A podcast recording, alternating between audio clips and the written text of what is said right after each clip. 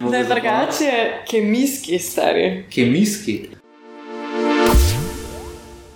Pozdravljeni poslušalci, nahajamo se na Kemijskem inštitutu skupaj z Tejo Lenačič, ki je doktorska študentka biomedicine na medicinski fakulteti, smerja pa biokemija in molekularna biologija. Ampak večino svojega raziskovanja pa, pa opraviš verjetno na inštitutu. Uh, ja, na Kemijskem inštitutu sem zaposlena ne, kot mlada raziskovalka in seveda vso eksperimentalno delo izvajamo tle. Kako pa si zašla v to biokemijo? Um, spomnim se že od nekdaj v osnovni šoli in potem v gimnaziji, da me je zmeri zanimala celica, torej pri biologiji, ne osnove celice. In potem tudi, ok, moja mama je profesorica na fakulteti za kemijo in kemijsko tehnologijo in prav štu, uh, uči na smeri biokemije. Mi je pač sugerirala ta študij zato, ker je vedela ne, in tudi čutila, kaj mene najbolj zanima. Da potem sem se nekako odločila, da bom šla biokemijo študirati. Se pravi, tudi prva in druga stopna so bile pač vse v tej bio, biokemiji. Ja, jaz sem še stara, stara, kako se reče, ne bolonska, no. tako da sem imela samo eno stopnjo. Kako pa recimo pomaga, da imaš starše, ki so raziskovalci, ker tudi uh, oče je v teh vodah? Ja, um, pa se mi zdi, da se dejansko razvija mogoče drugačen način razmišljanja, predvsem ne toliko naiven. A ne si že zelo kritičen, zaradi tega, ker se stalno, ne vem, mogoče mami in oči, ne oba v svojih eksperimentalnih, ne, da se zmeri sprašvala. A je res tako, ne? zmeri sta dvomila v neki, ne? torej v kar sta počela in tudi mogoče sta tak dvom prenesla tudi name ne? in potem sem zelo taka stroga in kritična na trenutke. Fajna kvaliteta za raziskovalca. Ja, ja, mogoče za raziskovalca, sam za okoliške ljudi. Znamo biti teče, praviš. Imamo teče, ja, ne vem. Kakšni ljudje se s kakšnimi stvarmi ne bi obremenjevali, no mene pa zmotijo, mogoče ker bi rada prišla do, do nas. Ja, ja, ja, ker bi rada zanalizirala stvari, kot so. Kako ima zdaj še do konca doktorata v bistvu? Ja, po mojem, še ene dva tedna. Potem pa zagovor. Ja, zdaj ciljam, da bo zagovor konec marca, nekaj, kar mi tudi poteče status mladega raziskovalca. Uh, zdaj sem še na komisiji, da se vse uspešno zmenimo. No. V javnosti je bilo zelo izpostavljen ta članek, ki ste ga objavili v prestižni reviji Science. Um, tudi vem, da je bilo kar nekaj dogodkov in, in, in tako naprej okoli tega intervjuja. Uh, ja, gre za tako zelo aktualno temo. Ne? Namreč ti proteini NLP so toksični in napadajo rastline dvokaličnice. Zdaj te dvokaličnice predstavljajo širok spekter uh, takih, ko se reče, kmetovalskih pridelkov, in seveda ti proteini uničujejo te pridelke. In na ta način se posledično ustvari milijonska škoda, lahko zaradi sanacije. Ne. No, in ta, ta članek je točen to, ne. torej neka aktualna tema, in zaradi tega so se editori odločili, da je zanimiva, in smo imeli pač to srečo. Kaj pa pomeni ta akronim NLP protein? Uf, kaj je NLP? Uh, v bistvu je kratica v kratici, uh, NEP1, like proteins. Je tako krajša kratica, ampak ta NEP1 stoji pa za necrosis and ethylene inducing peptide 1. Tako da v bistvu celotno ime necrosis and ethylene inducing peptide 1 like proteins. Če se prav spomnim, je Gregor Underlook tvoj ja, mentor? On je prav moj mentor, Aha. ja. Imam in... pa še so mentorico Maritko Podobnik. In ona je tudi iz Kemijskega inštituta. Ja, ona je tudi iz Kemijskega inštituta, je pa strukturna biologinja, kar tudi mene uh, zanima ne? in zato je zraven tukaj da je že um, mentor usmeril v to smer nekakšnih um, celičnih membran in lipidov in kakšni so ti receptori kaj prehaja med membranami. V bistvu je bilo tako. No. Vedela sem, da Gregor Anderlu zelo dobro dela, da je uspešen. Um, zanimala me je pa ta strukturna biologija že od faksa naprej.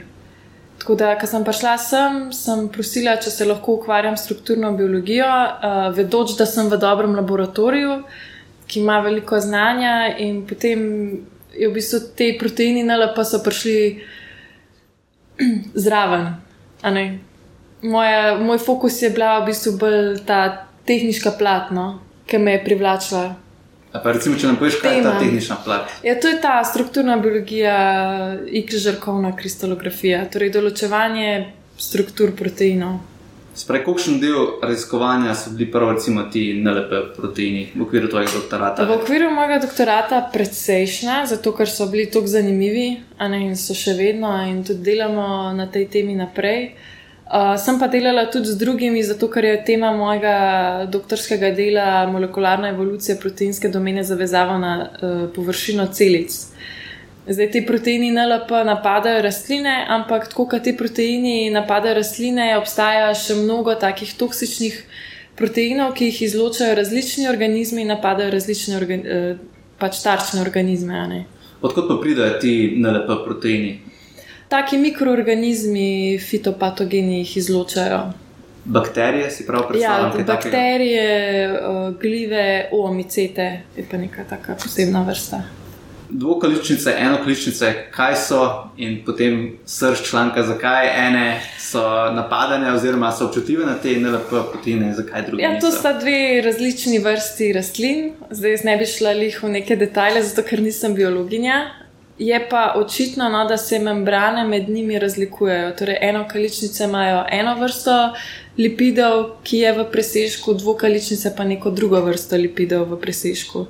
In ravno zaradi te razlike v sestavi membrane so ti proteini NLP selektivni za dvokaličnice, ne pa za enokaličnice. A so lipidi, bi so to neke maščobne molekule?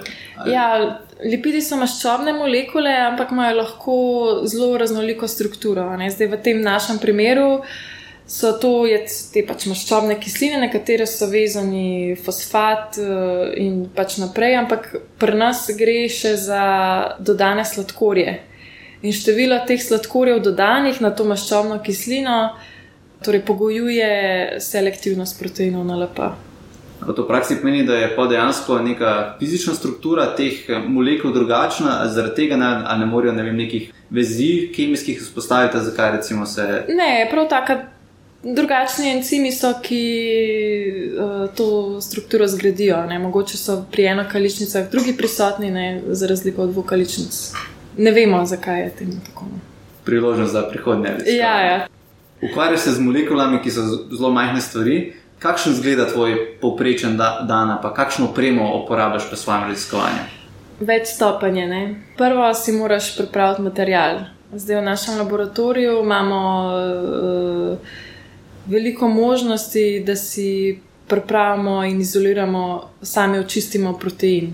Ne, imamo veliko teh afinitetnih kromatografij, velikostnih izključitvenih kromatografij, torej vse možne tehnike, da lahko mi očistimo protein. Ampak seveda, da ti pridobiš sploh ta protein, je lahko že težavno. Tako da moš imeti srečo že na tej prvi stopni.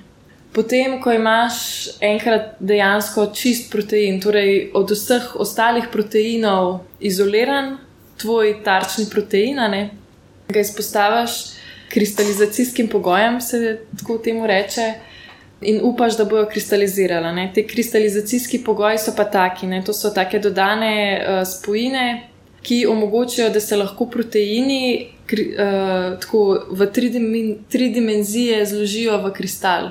In zdaj, enkrat, ko imaš ta kristal, si zelo vesel, da ga lahko izpostaviš žarkom X-ray, torej X-žarkom, in upaš, da ti bojo dali dovolj močen signal, da boš ti iz tega lahko določil s pomočjo računalnikov tridimenzionalno strukturo.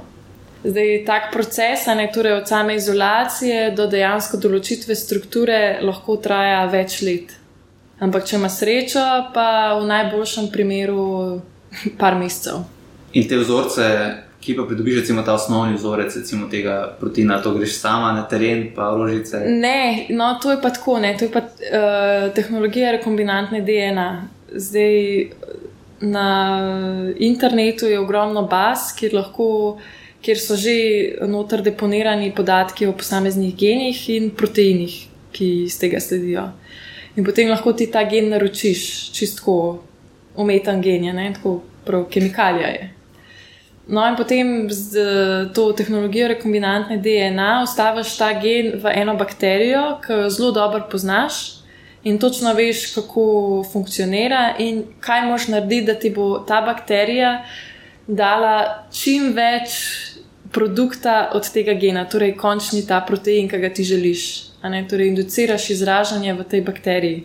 Tako da mi klele to tehnologijo, rekombinantne DNA, je v bistvu umetno pripravljanje proteinov, ki se dogaja v naravi, ampak tukaj je v takih kontroliranih pogojih.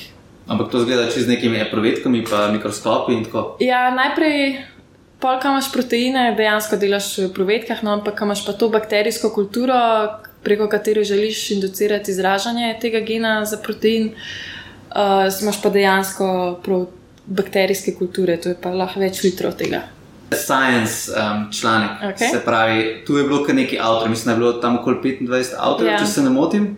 Mene, mogoče raziskovalca, zanima, koliko časa gre recimo za pripravo enega takšnega članka. Ja, mi smo začeli pisati članek, samo pisati. To pomeni, da je bila glavnina eksperimentov že narejena decembra 2016. Uh, pisali smo ga približno 4-5 mesecev, da smo ga poslali prvič v revizijo. In potem je, so tisti reviewerji nekaj časa rabili, to je kakšen mesec ali pa dva, da so oni to popravili, da so v bistvu rekli, da jih interesira ta članek. In potem smo še dva meseca, pa mogoče celo tri, ki smo malo podaljšvali, na polno delali dodatne eksperimente. To je bilo vsak dan, je bilo treba nekaj narediti, ker si točno vedel, kaj so oni zahtevali in si mogel pač dopolniti prejšnji eksperimentalni del. No, in potem seveda pisanje in logično umestitev v nove verzije članka. Skratka, do 31. oktobra je pol to vse trajalo, da so nam dokončno sprejeli, in potem še so še oni malo editirali članek in urejali. Tako da dokončno objave je v bistvu trajalo eno leto. Ampak to je bilo samo pisanje. Tisti eksperimentalen del se je pa začel kar se mojega dela tiče, pač začetkom doktorata že. Kar se pa vesnega dela tiče, pa ona že več let prej sodelovala z njimi, ne sam je pač malo orala ledino, ker ni čistočen vedela, v katero smer naj se obrne, tako da ona pa že kakšne deset let na tem dela. Kako pa je usklajevati delo med tolikimi sodelavci, ker toliko različnih eksperimentov. Ja, in zelo veliko različnih tehnik. zato bi na tem mestu mogoče pohvalila uh, mentorja Gregorja Anderluha, ker nas je že tukaj v Sloveniji nas je bilo ene par, ne. mislim, da smo bili tri, štiri, pa pa še dobra Marjetka, ki je pač taki idejni vodja. Ne. In vsaka je v neki svoji sferi. In on je nas usklajeval, ne? tako da so eksperimenti potekali sočasno in po neki logiki, ne? torej da smo lahko z enim eksperimentom potrdili drugega. Ampak kar se pa tiče tudi nemške skupine, ki je bila pa druga taka vodilna skupina ne, pri tem članku, oni imajo pa čist druge metode ne, in že tudi pri njih so si čist drugačne te metode. Ne, tako da tudi njihov vodja laboratorija je pa ta Torsten Nuremberger ne, in Gregor, ona dva sta v bistvu bila glavni vodja, ki sta koordinirala vse eksperimente in to širno idejo. To, kar je pa ostalih 25 avtorjev, ne to, kar je bilo pa prej, to je pa spet zato, da dopolniš eh, še z nekimi drugimi tehnikami, ki jih mogoče ni v enem, niti v drugem laboratoriju, ne, da dopolniš raziskavo čist do potankosti. Se pravi, recimo, ker nimaš aparatur ali pa Ja, recimo to, kar ja. so Juri rekli, mi bi radi pa še te eh, Ja, ja, mogoče ne vem. Vem, da ena francoska skupina se ukvarja s tem modeliranjem, in potem, seveda, ker mi nismo imeli niti časa zdaj to na novo vzpostavljati, ne smo se pač obrnili na njih. Tako, no, vsak je svojo ekspertizo enega eksperimenta pripomogel k celovitosti raziskave. Za to nemško skupino iz Tubigena ste prijavili tudi en patent, če, če se prav spomnim, se pravi, pri tem Evropskem um, uradu. Uh -huh. Kako pa recimo to zgleda in kaj to pomeni v bistvu in za raziskovalca, in strokovno, in finančno, in za inštitut? Ja, sigurno je to dobičkonosno v tem smislu, da se uh, dejansko translira znanje, pridobljeno v znanosti, pač v industrijo. Se mi zdi, da je to bistvo znanosti, ne? torej, da raziskuješ nekaj, kar bo nekoč aplikativno. Zdaj, sama pri tej patentni pa ja, prijavi, eh, ne vem, težko bom kaj povedala, ker sem bila mlada raziskovalka in sem se ukvarjala bolj z znanost, znanstvenim delom. Je pa, mislim, se pa strinjam, da je to dober korak za naprej. No. Na tem članku so te mogoče tebe ali koga kontaktirali, recimo iz fitofarmacevtske industrije ali pa ne vem, Ja, ja, se- drugih znanstvenih inštitutov. Potekajo neka dogovarjanja. No. Okay. večjih firm, ki se zanimajo za eh, pripravo inhibitornih substanc, ki bi inhibirale torej, delovanje teh proteinov na LP. Se pravi, kot, kot neka sredstvo proti škodljivcem. Ja, ja, tako je. Ja. Ker za vsako stvar, ne, če hočeš. Zato je spet svoje vrstna znanost. Ne? Mi smo približno ugotovili, kako ti proteini delujejo? In zdaj mi poznamo v potankost mehanizem delovanja, vsaj začetno stopno mehanizma delovanja. Ampak da pa ti spet razviješ inhibitorne substance, ki bi lahko jih sprostil v okolje, ki bi bile vem, biorazgradljive in tako, je pa spet ne vem, koliko let dela na tem. da zato je fajn, da se. Sploh, če so kakšne take, če je tako široka raziskava, da se to da kakšnim industrijskim partnerjem, zato ker imajo veliko večjo, ah, kako bi rekel, veliko večje možnosti različnih tehnik, no, oziroma več stvari naredijo v krajšem času. Kako pa recimo se dobile tudi kakšne ponudbe za postdoke ali pa tenure treke? Um, ja, trenutno še ne, ker sem se v bistvu ukvarjala s pisanjem doktorata in zaključevanjem. Zdaj sem mogla res hiteti, ker sem šele decembra začela dobro to pisati. So pa te roki senatov, ki jih moš malo videti. Ampak se za kakšen postdoc niti ne bojim, no, ker to je tako dobra referenca. Da... Ko človek objavi en takšen odmeven članek, sploh taki prestižni reviji kot je Science, se mi zdi, da se med raziskovalci na pol pričakuje, da boš to znanje zdaj nadgradil, da boš še naprej delal na tem, da boš poskušal um, še bolj mogoč spe, specifično kaj odgovoriti, pa tu naprej raziskati. A je to nekaj, kar te lahko utesnjuje, ali bi recimo še provala kakšno drugo, recimo področje ali pa kakšen drug protein raziskovati, kako recimo to doživljaš? Um, ja, zdaj me zanima ta strukturna biologija. Ne, in, uh, tekom doktorata sem se ukvarjala z X-žarkovno kristalografijo. Zadnje čase je pa zelo popularna krioelektronska mikroskopija in to je ravno tako tehnika za določevanje tridimenzionalnih struktur, ampak v glavnem večjih kompleksov. In to je tehnika, ki bi me mogoče tudi v prihodnosti malce bolj zanimala. Zdaj, kar se tiče teh proteinov NLP, se mi zdi, da se v našem laboratoriju iz proteinskega dela, ne, to, kar smo mi pač delali, malo bolj preusmerili v lipidni del, ker hočemo videti, kaj ti proteini delajo na nivoju membran. Preden se bo lahko določila struktura eh, tega celotnega kompleksa proteinov z membrano, ne, tako kot je, bo potrebnega še veliko tega dela na lipidih samih. Tako Da, no, za prihodnost, mislim, me ne skrbi. No. Vem, kaj me zanima. Uh, tudi vem, da tle v našem laboratoriju, da se bo nadaljevalo delo s proteini na LP. Zdaj, če pač jaz skočim vmes na kakšen postdoc, pa se naučim kakšne nove tehnike, bom prej jaz prid, na tem pridobila ravno tako ta laboratorij, v primeru, če se vrnem, ne, ker bo pač obogateno še z neko novo tehniko. Kako pa trenutno, kako se ti zdi znanost? Je znano, da v določenih državah, kot tudi ima, dosti večja sredstva, tudi Ja. um, boljši je prehod za, za mlade znanstvenike, recimo tudi v, po univerzah in tako naprej. Kako ti vidiš to, recimo, svoje priložnosti tu, tujini? Ja, sigurno je v tujini več možnosti zaposlitve, kot kar tle v Sloveniji, torej za, sploh za mlade raziskovalce. ne. Je pa v tujini tudi zaradi tega več tekmovalnosti. ne, In hiter en dan si, naslednji dan te mogoče več ni. ne, In se mor- si pod stresom, da se uveljavljaš na dnevni bazi. ne. Tako da vse ima svoje pluse, pa minuse in tako delo v tujini in v Sloveniji. Zdaj, fajn je, da imaš izkušnjo tudi v tujini, v kakšnem dobrem laboratoriju, da vidiš, kako dejansko se stvari počnejo. Um, v Sloveniji je pa dobro to, ne, da si doma v krogu svojih bližjih ne. in si pripravljen dejansko delati v Sloveniji. Sam, če ti ni onemogočeno, mislim, če ti ni omogočeno, potem boš težko. Ali se spomniš kakšne zan- zanimive ali pa zabavne anekdote, ki se ti je zgodila za časa doktorata? Ok, no, to sem razmišljala, ful, kva bi povedala. Smo tako res dobra ekipica, tako da se smejemo skozi. Um, in je bilo malo težko se spomniti, kakšne take anekdote, ki bi bile res zanimive. No, ampak recimo, enkrat smo šli s kolegico, doktorico Katijo Pirc na sinhrotron, mer kvaliteto kristalov in tak, te sete pridobiti no, za določevanje strukture. Um, ampak to, to je tako, ne ti ob šestih, sedmih zjutraj že štartaš, prideš ob osmih tja na sinhrotron elektro, to je v Trstu.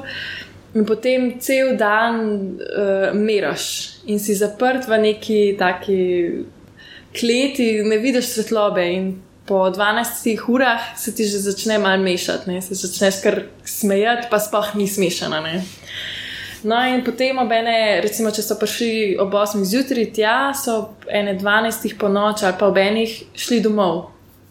In so imeli služben avto, um, in jaz sem jih tako pelala.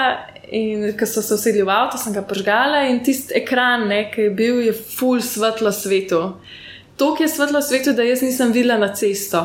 In potem je Katja neko jakanco svojo vzela in tam zakrila un ekranček, zato da so se lahko spohpelali. No, in mi dve se peljeva tam po uni bazovici. In tako je vas, ne vidiš vse normalno.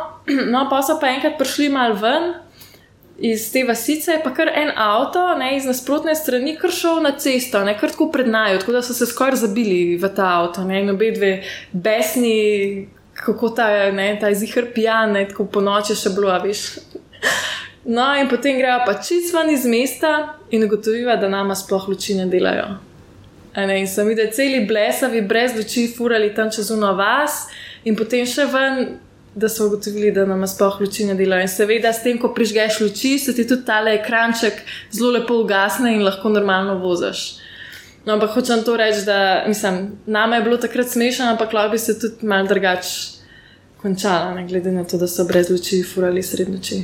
So se pa le ne pol minute, ko so ugotovili, da imamo luči, pržgane, eh, luči ugasne, so se lepo zapeljali na stran in umirali od smeha, ker je bilo res tuk, ne? pa se še spomniš, kako je ona z jakanco, veš, zakrivala, umrla, kako so se znašli. Tako, no. Fuljezni, kao na unge, kako je šel na cesto, in tako naj jo ni videl, če so bili brez luči. Ja, to so stranski učinki raziskovalnega dela, ne take stvari se dogajajo. Ja, no, sem to je po joj, kako urah dela. Kako so se pa tvoja pričakovanja glede doktorskega študija spremenila, prej, ko si začela in, in zdaj, ko si proti koncu? Ja, se mi zdi, da, da je občutki na začetku, pa na koncu so zelo podobni, no, vmes pa greš skozi različna obdobja. Zdaj, na začetku si tako napolno zagnana, ne, ampak to te hitro po kažem letu malo tepe po glavi, ker si si mogoče na začetku ustvaril malo drugačno zgodbo, kako bi stvari morale potekati. Ne? In spoh ti si odprej navajen in v šoli, in potem na faksu, da vse zelo hitro poteka, ne? ampak v znanosti pa ni tako. In potem ti delaš, delaš, kakšne eksperimente, pa ti ne rata in ti ni jasno, zakaj. In delaš, delaš, in na koncu si. Po enem letu, ali pa recimo po dveh letih, na dnu, ker v bistvu še nimaš nekih konkretnih rezultatov, niti nimaš cilja pred sabo. No, in potem, ko dejansko po parih letih, ne po treh ali pa štirih letih, začneš zbirati vse podatke in tako, tako celo zgodbo vidiš, in kaj vse si dejansko naredil, nekaj mogoče, kakšno let nazaj še nisi videl tako se ti spet začne um, neka vizija ustvarjati, kaj lahko s tem ustvariš. In potem na koncu, spoh, ki še članek objaviš, pa ki doktoriraš, napišeš nalogo, si spet poln zagona. Tako da, ja. Ja, da te spet zabijajo. Ja, ja, da se ciklus spremenja. Ja, no, tako. Če pričakovanja, no ne vem to, kar se je dejansko zgodilo, to, da smo objavili ta članek, tega ni noben pričakoval. No. In mogoče, če bi se odločila za študij v tujini, a ne se mogoče, pa skoraj zihar ne bi tako dobro odvil, kot se je tle. Nikoli ne veš, no. ali v tujini, ali pa tle posod lahko, ali pa ne. Kaj bi predlagala, recimo, predsedniku vlade, da se že govorimo o tujini, pa pri nas doma, pač kaj bi lahko ja. izboljšal na področju znanja? Se mi zdi, da se upada vložek v znanost z neko gospodarsko eh, gospodarskim cvetenjem. No. Jaz verjamem, da in predsednik vlade in večinoma politiki si želijo, da bi Slovenija narasla, ne tako v takem gospodarskem smislu. Je pa še toliko stvari za storiti, da bodo te stvari šle verjetno ful počasneje, kot bi si mi znanstveniki želeli.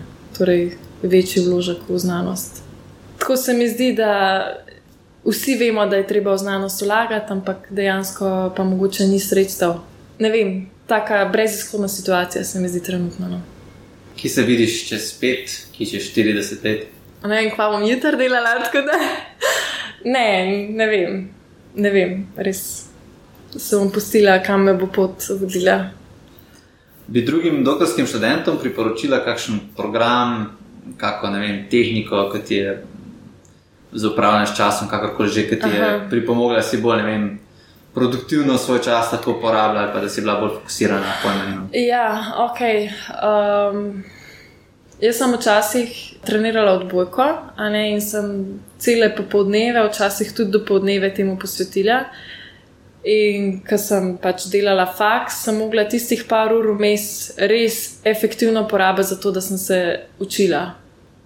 Tako da jaz mislim, da če dokler si ti efektiven v službi, pač tistih 8 ur, ne, in se potem sprostiš v prostem času popovdne, se mi zdi, da je to veliko bolj kreativno, oziroma uh, inducira večjo kreativnost in tako spontanost in tako širino tvojo, ne? da nisi čisto omejen pri delu. Ne? Se mi zdi, da včasih, ko preveč delaš in si čist uh, to pogledan glede svojega dela, ne? spregledaš kakšno novo idejo ali kaj tasga. Tako da, kar jaz priporočam, je to, no, da se pač izobražuješ na vseh nivojih svojega življenja. V službi, torej, da se izobražuješ tako s tehnikami, a ne karkoli te pač zanima. Ampak tudi v življenju, ne, torej, da krepiš vem, športni duh, da bereš knjige, da se izobražuješ o umetnosti in tako naprej. No, da pridobiš skratka širino življenjsko. Ko smo že ravno pri tej umetnosti v prostem času, bi priporočila na, nam kakšno knjigo, podcast, spletno stran, film? Ja, film. Ne vem, meni je od tega Jamesa McKevoja, uh, ta, ta angliš ali škotce, ne vem. On ima take dobre filme, ki so malo bolj psihološki. Knjige pa ne vem, zdaj trenutno se izobražujemo o, in podne, o vremenu in podnebju v gorah. ne, ne vem, pač karkoli, no, ne vem težko bi kaj pripričal. Se mi zdi zanimivo, jaz recimo sem si tudi jih prekratki na FMF kupil to meteorologijo za naravoslovce, kjer iz katerih knjige se v ti izobražuješ. Ja, prvo vreme in podnebje v gorah je pač neka taka geografska knjiga, ki je kukar, ker smo bili na izobraževanju te plazovni delavnici, no tam je rekel tist, ki nam je predaval, da je pač to taka enciklopedija, ki jo tudi oni uporabljajo. Koga bi povabila na večerjo, če ne bi bilo nobenih omejitev? Ja, no, to sem tudi malo razmišljala, zdaj jaz bi kar dva. Za enega sem se spomnila včeraj, zdaj prejšnji teden, ali dva tedna nazaj, sem bila na tem gorniškem fes, eh, festivalu gorniškega filma in je bil film od Ivice Kosteliča in Mihe Podgornika, ki sta prečila Grenlandijo. Tako da en izmed teh, ki bi jih povabila, bi bil Ivica Kostelič, uh, zato ker je pač malo starejši in tako bolj izkušen, predvsem pa zato, ker ker se mi zdi, da mi je ta film, ki sta se ona dva um, znašla sredi ničesar v takih težkih vremenskih pogojih in kljub temu ohranila neko pozitivno miselnost. No, se mi zdi, da je to tak človek, velik človek, no, ki se mi zdi, da bi lahko te veliko naučil o življenju. Tako da evo, en bi bil Ivica Kostelič. Ta drug um, bi bil pa Eddie Weber ali Eddie Vedder, se ne vem, eh, glavni pevec od Pearl Jam, ki ima pa tudi tako neko globino, tako človeško, no, in to mene ful privlači.